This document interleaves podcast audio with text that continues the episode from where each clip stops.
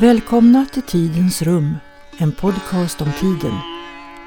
Nu följer det första programmet, Nätter i Malva, i serien Samnyasi, tre indiska ljudberättelser av Sten Björnolfsson. Först en introduktion av författaren.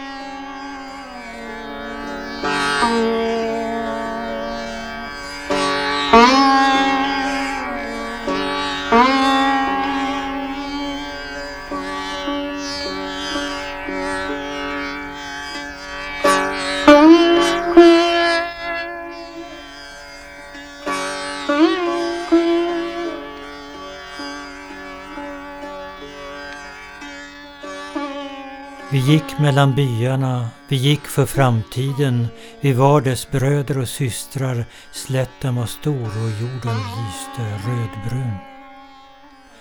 Alla visste vilka vi var och var vi kom ifrån. Gandhis ande lyste ännu, om än svagare. De gamla veteranerna från frihetskampen ledde den stora Gandhi-institutionen. Jag själv var där mest som en ivrig besökare. De hjälpte mig och jag dem efter det jag förmådde. Det här var år 1970. Från Kasturbagram löpte tusen trådar ut över den väldiga nationen. Ordförande Shyamlal var den siste nu levande av Gandhis nära medarbetare när han var missnöjd med premiärminister Indira Gandhi ringde han henne på hennes privata telefon. Och vad kunde landets premiärminister annat göra än att lyssna?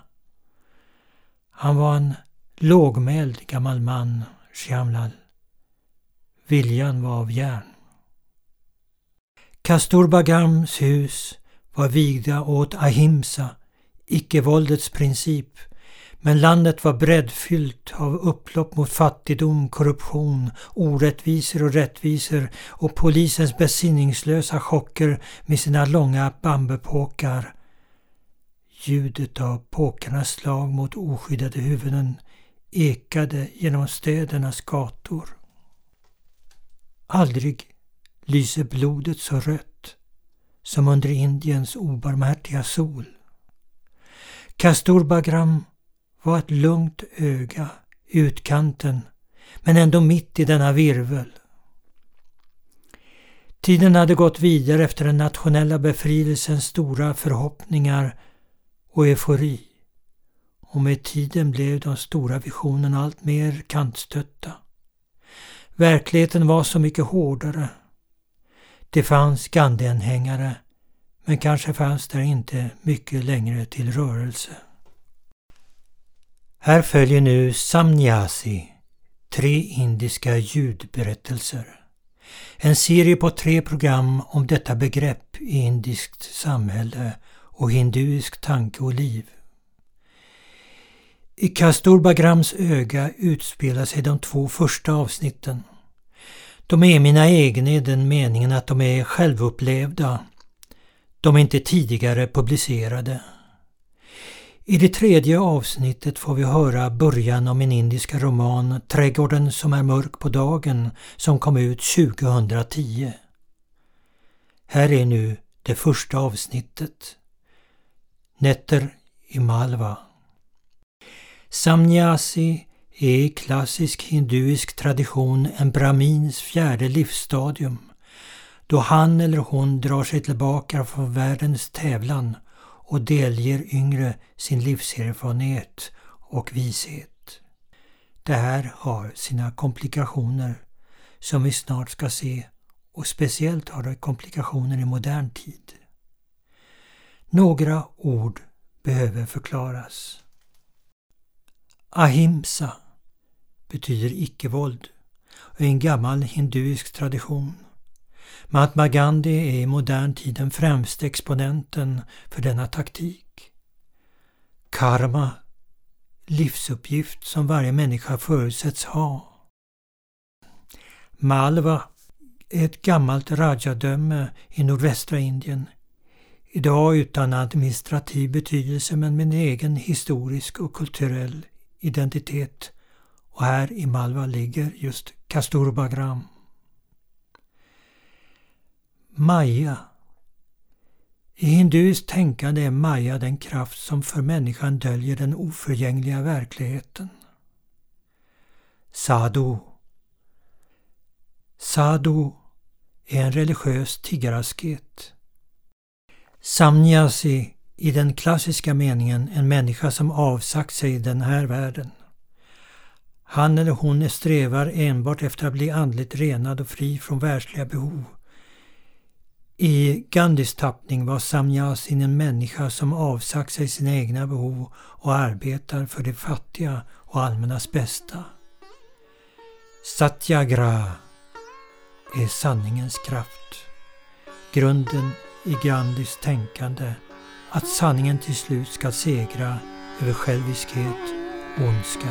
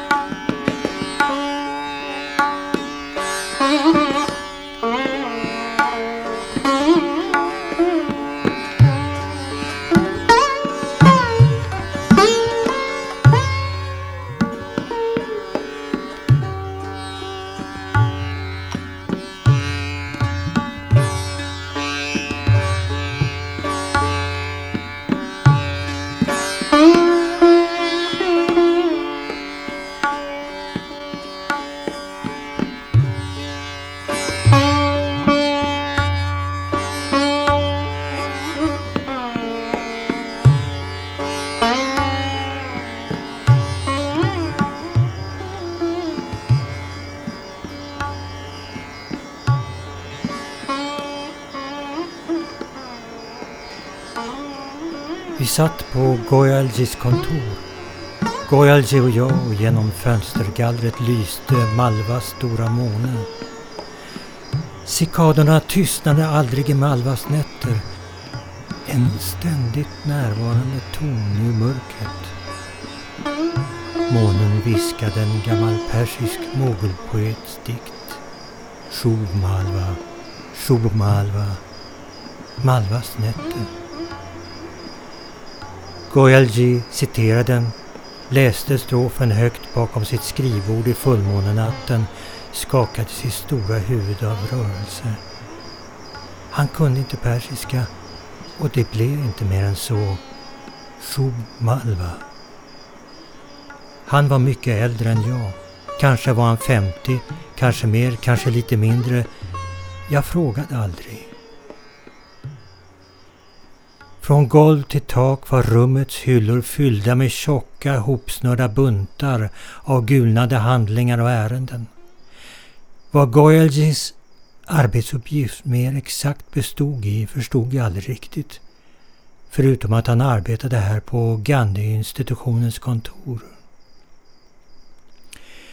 Jag såg honom på dagarna i maklig takt leta rätt på något ärende, blåsa dammet av mappen och tålmodigt lösa upp det tunna snörets knutar, syna de bläckpräntade sidorna och göra någon anteckning på hindi eller engelska, allt beroende på vem som skulle behöva kunna tyda det.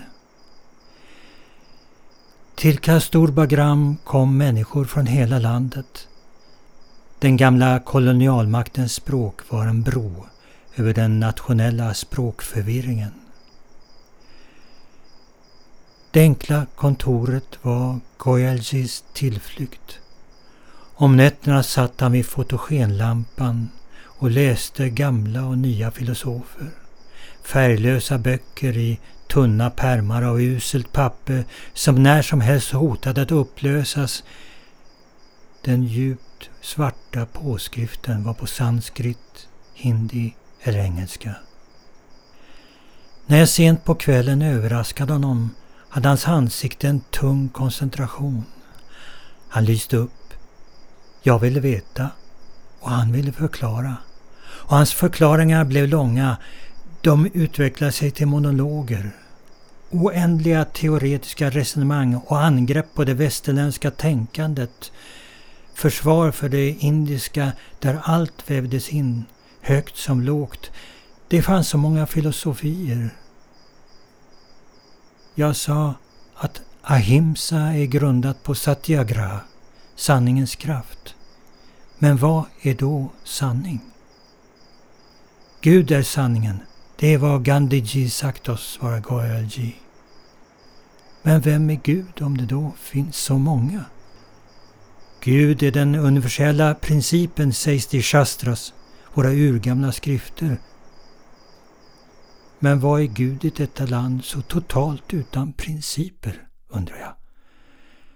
Principer? Vad är principer, ropar han. Det är Maya. Det är det som håller oss fångna i vår jordiska tillvaro, våra drifter, våra önskningar, vår hunger efter denna värld.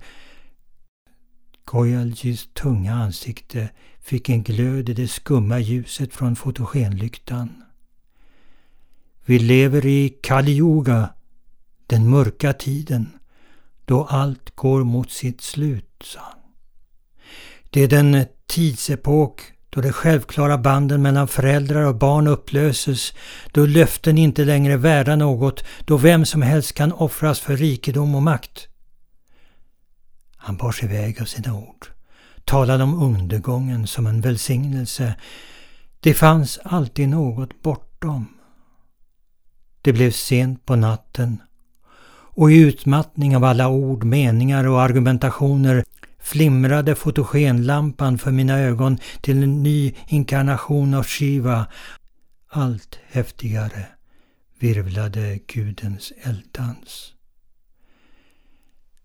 Goelji lutade sig fram med ansiktet tätt mot lyktans sken. Du söker logik, sa han. Men den finns inte alltid. Logik är västerlandets sätt att tänka. Rättvisa, vad är det? Det är bara en av alla dessa saker som ökar den förvirring som råder. Jag protesterade. Han sa att en äkta samnyasi står över allt detta och han undrade vad som hänt om Gandhiji sökt rättvisa varje gång britterna förödmjukade Indien. Blodet hade stigit över landets breddar och alla hade drunknat. Och engelsmännen också. Han hade alltid ett dräpande slutargument för sin tes. Resonemangen dessförinnan var så långa att jag oftast tappade tråden och kunde ibland undra om han verkligen höll i den heller. Ständigt pågick de. Våra druckna samtal där vinet var månenätter som i årtusenden hört samnyasis och poeters redogörelser för världens intighet. Till slut skruvade han ner veken och blåste ut lågan. Vi gick hem till hans hus där jag la mig på en matta på golvet i rummet med min lungi över mig. Och cikadorna sisslade långt in i sömnen.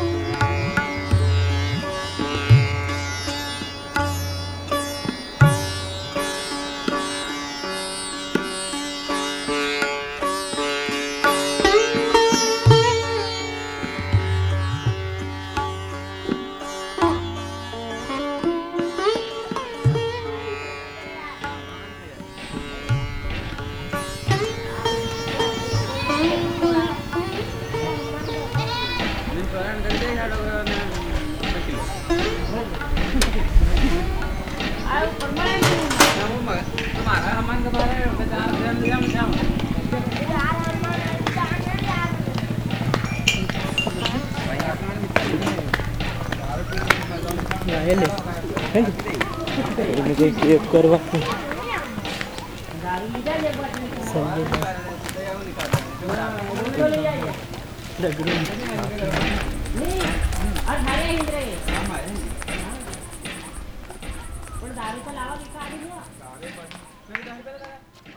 Din sari var enkel som de andras och Gandhiarbetarens blå border hade mattat så många tvättar. Mässingspärlan i näsvingen glänste på ett sällsamt sätt i middagsljuset som fyllde in genom fönstret. Du satt på din säng som folk brukar göra i ditt land. När jag sa att det kanske inte finns någon rättvisa såg du på mig som att jag blivit från mina sinnen. Vad ska man då sträva efter? Jag erkände att jag inte visste och att kanske en samnyasis liv i själva verket var en stor tomhet. Vad har en samnyasi med det att göra? frågade du. Jag sa att Goelji menade att en äkta samnyasi inte bryr sig om rättvisan och jag berättade om nattens samtal så gott jag kunde. Eller kanske jag inte alls berättade utan att det var cikadorna som sisslade i mitt huvud som högt sagda tankar. Kanske det fanns saker jag endast tålde höra under månen men som föll till stoft i gryningen. Du sa att en samnyasi är något annat. Det var precis det som Goelji menade, sa jag då. Många kallar sig samnyasis. En del är på marken och andra svävar högt upp i rymden. Du misstänkte människor som kallar sig mycket. Jag tänkte länge och kunde inte minnas mig hört någon som själv sagt att han var en samnyasi. De får andra människor kalla dem det, sa du och skakade irriterat på huvudet och dina ögon mörknade. Du sa att det var meningslöst att prata om det och att det var ett slöseri med tid och du förstod inte varför jag ägnade saken ens en tanke, att jag borde ägna mig åt nyttigare saker. Du såg misstänksamt på mig på ett sätt som att jag var någon annan än jag var och som du när som helst skulle kunna framkalla den mördande heta sommarmiddagens vind över. Jag är inte sån, skyndade jag mig att säga för att rädda mig från ditt anfall av solsting och förresten bär jag alltid vitlöksklyftor i mässan heta dagar. Ett urgammalt knep som Goyaji lärt mig för att undkomma sommarens farliga vindar. Så då har Goyaji i alla fall lärt dig något nyttigt, sa du. Och plötsligt var du en triumferande Kali och dina många armar hade säkert kramat mig om inte ditt lands konventioner om den fysiska beröringen mellan man och kvinna hållit dig tillbaka. Jag kände en stor respekt för Goelji, för hans filosofiska kunskaper och ständiga törst efter att lära sig mer och jag sa det till dig och riskerade kallblodigt att bli ihjälkramad som en offerget av en boaorm eller av svarta Kali eller kanske är de båda samma du återtog din vanliga skepnad och jag blev tacksam för det. Du sa att vi män svävar i kosmos och att det var orsaken till ditt lands ständiga fattigdomsplåga. Men jag är en främling, sa jag och fick äntligen rätt i något. Du vaggade svagt på huvudet. Ditt lands kroppsspråk är ett under av motsägelser mot vårt, där ett ja är vårt nej. Du såg länge på mig. Kanske är det därför jag tycker så mycket om dig, sa du. Vi såg varann i ögonen. Du hade inte sagt något sånt förut. Efter en kort stund vek du undan med blicken. Vi var ännu främlingar för varandra. Som jag var en främling i ditt land men ändå levt med den långt innan jag kom hit. Du satt åter på sängen med nedslagna ögon. Det fanns en förskjuten tid mellan oss. Du törstade efter vatten och jag hade varit borta i tolv jordår för att hämta det. Med dina nakna fötter stod du stadigt i slättens doft, som så många andra av Indiens kvinnor stått på jorden, fostrad så av sina mödrar, för att inte landet skulle lossna från sina hakar och sväva ut i en okänd rymd.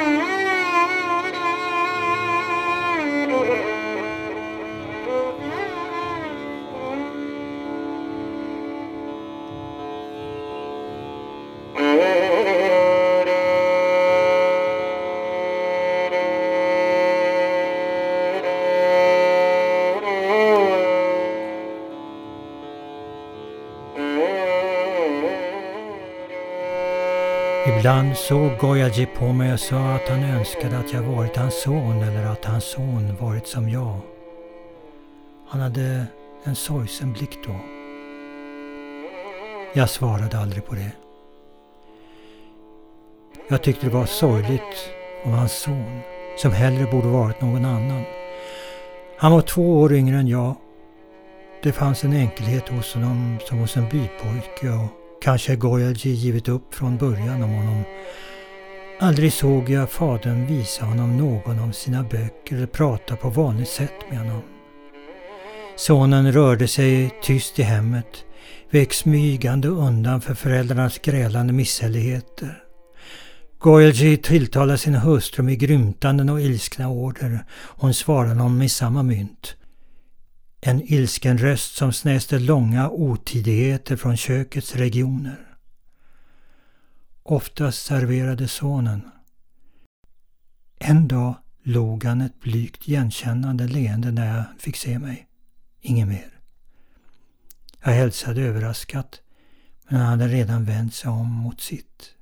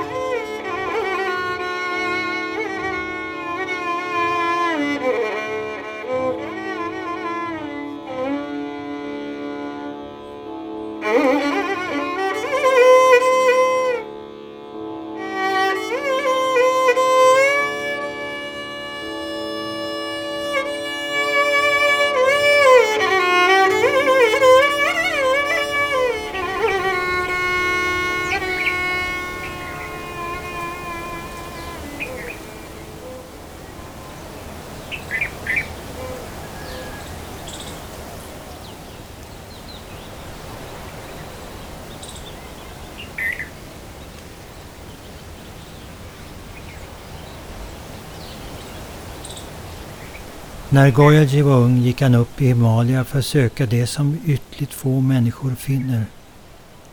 Han var obunden då. I tio år vandrade han som en tiggande sadu längs bergens sluttningar och stannade på de heliga platserna för att finna frid. Med tiggarskål, vandringsstav och kläderna gick och stod i levde han med allt färre behov. Praktiserade de dagliga övningarna som en yogi ska göra. I gryningen blåste han i konjsnäckan och hälsade solen.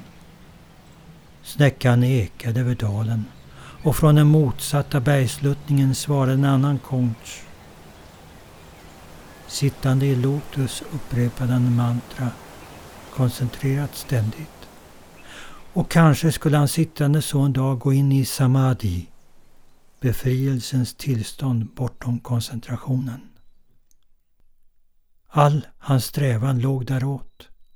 I dagar, månader och år försökte han. Men Goelji fann ingen frid.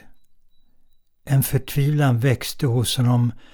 Som en allt tyngre sten band den honom allt starkare till den jord som han helst ville göra sig fri ifrån. Jag är inte färdig i det här livet för samadhi, tänkte han till slut en morgon. Kanske tillhör det det kommande.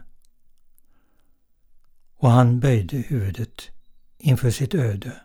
Och den kyliga bergsvinden rörde de långa kodyngelinsmörjda lockarna. Himalayas höst fällde trädens löv i skimrande rött och gult när han långsamt följde stigarna nerför sluttningarna. Han stannade ofta för att minnas skimret, luftens klara kristall, den döende årstidens färger. Han hade många gånger tänkt att han en sådan dag skulle uppnå samadhi. Att om samadhi såg ut något så måste det vara så här. Men samadhi är det stora intet och man tror att det är som något skymmer i bilden den verkliga insikten. Han stod på stigen och småskrattade åt sin egen dumhet, ryckte uppgivet på axlarna och följde åter stigen neråt. Nere på slätten steg värmen och han gick den långa vägen hem till sin födelsestad för att fullgöra sin karma. Goyaji hade inte sett sina föräldrar på tio år och de kände knappt igen honom. Varje morgon i en veckas tid tvättade han håret. Sakta löstes årens kodynga upp och färgade vattnet mörkbrunt. När en dag barberaren kom förbi med sina saxar och rakknivar satte sig Golgi mitt emot honom på gatan utanför huset och lät honom klippa av det långa håret och raka bort skägget. Några av grannbarnen stod runt omkring och såg storökt på förvandlingen. Efteråt smekte hans mor honom över kinderna och sa att äntligen kunde hon se att hon ännu hade en son. Han var nu 30 år och borde egentligen varit gift för länge sedan. Föräldrarna sökte efter en kvinna som kunde passa i ålder men i alla kastens familjer var de redan bortgifta. Det fanns ändå en kvar. Hon bodde i kvarteret. Goelji kände väl till henne. Hon hade redan som barn varit retlig och ilsken och alltid skulle hon ha rätt i barnens lekar. Så att till slut ingen hade velat vara med henne. Hennes mor var en mild kvinna som med åren blivit allt mer tyngd av bekymrens väck. Dottern var nu en kvinna på 28 år och fortfarande ogift. En katastrof för sina föräldrar som gick mot sin ålderdom med en dotter utan försörjning. Vilken far och mor ville välja sin son en hustru som var en visa i hela stadsdelen för sina förbittrade utfall och otidigheter. Om jag nu inte kan uppnå det högsta tillståndet så kan jag åtminstone rädda denna kvinna från ett liv i misär, tänkte Goyalji. Vi satt på golvet och åt. Hon skrek något utifrån köket och han svarade att hon åtminstone kunde servera gästen mer chapati. Och hon kom in med de heta bröden och sa att det var just det hon hade undrat om vi ville ha. Medan hon ännu var i rummet sa Goyalji. Så jag gifte mig med henne. Det var min karma. Hans ögon fick det där tunga svårmodet som ständigt tycktes följa honom. Han kallade henne eh, aldrig vid namn utan sa alltid Moni, älskling. Han fick det att låta som ett oförskämt tillmäle.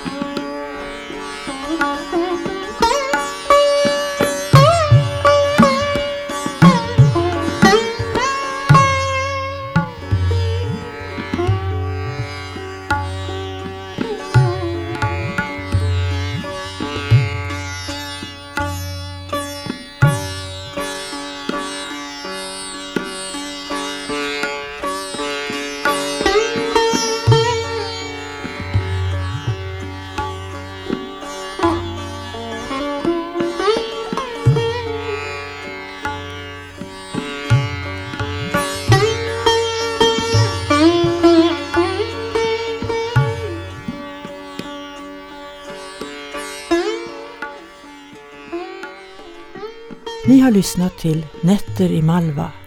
Det första avsnittet i serien Samnyasi, tre indiska ljudberättelser av Sten Björnolfsson.